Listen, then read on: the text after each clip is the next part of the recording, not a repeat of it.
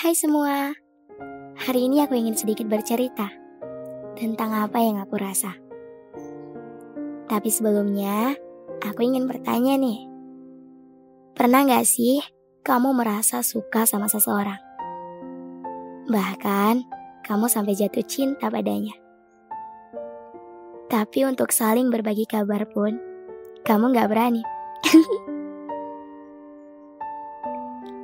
Aku pernah suka pada seseorang. Pernah nyaman. Bahkan sepertinya aku gak bisa jauh darinya.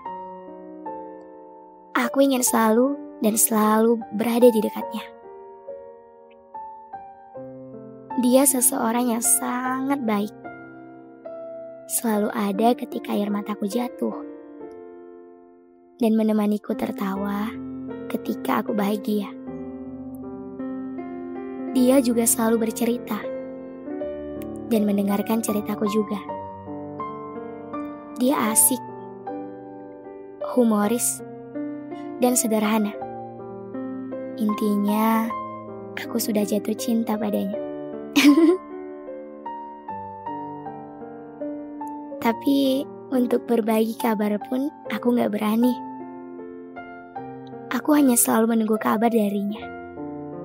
Ya, meski aku tahu, menunggu itu tidak menyenangkan. Aku hanya bisa berharap.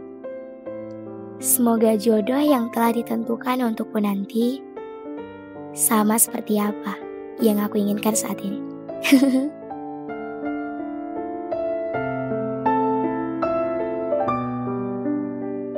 Terima kasih sudah didengarkan. Suara rasa melalui kata yang aku sampaikan.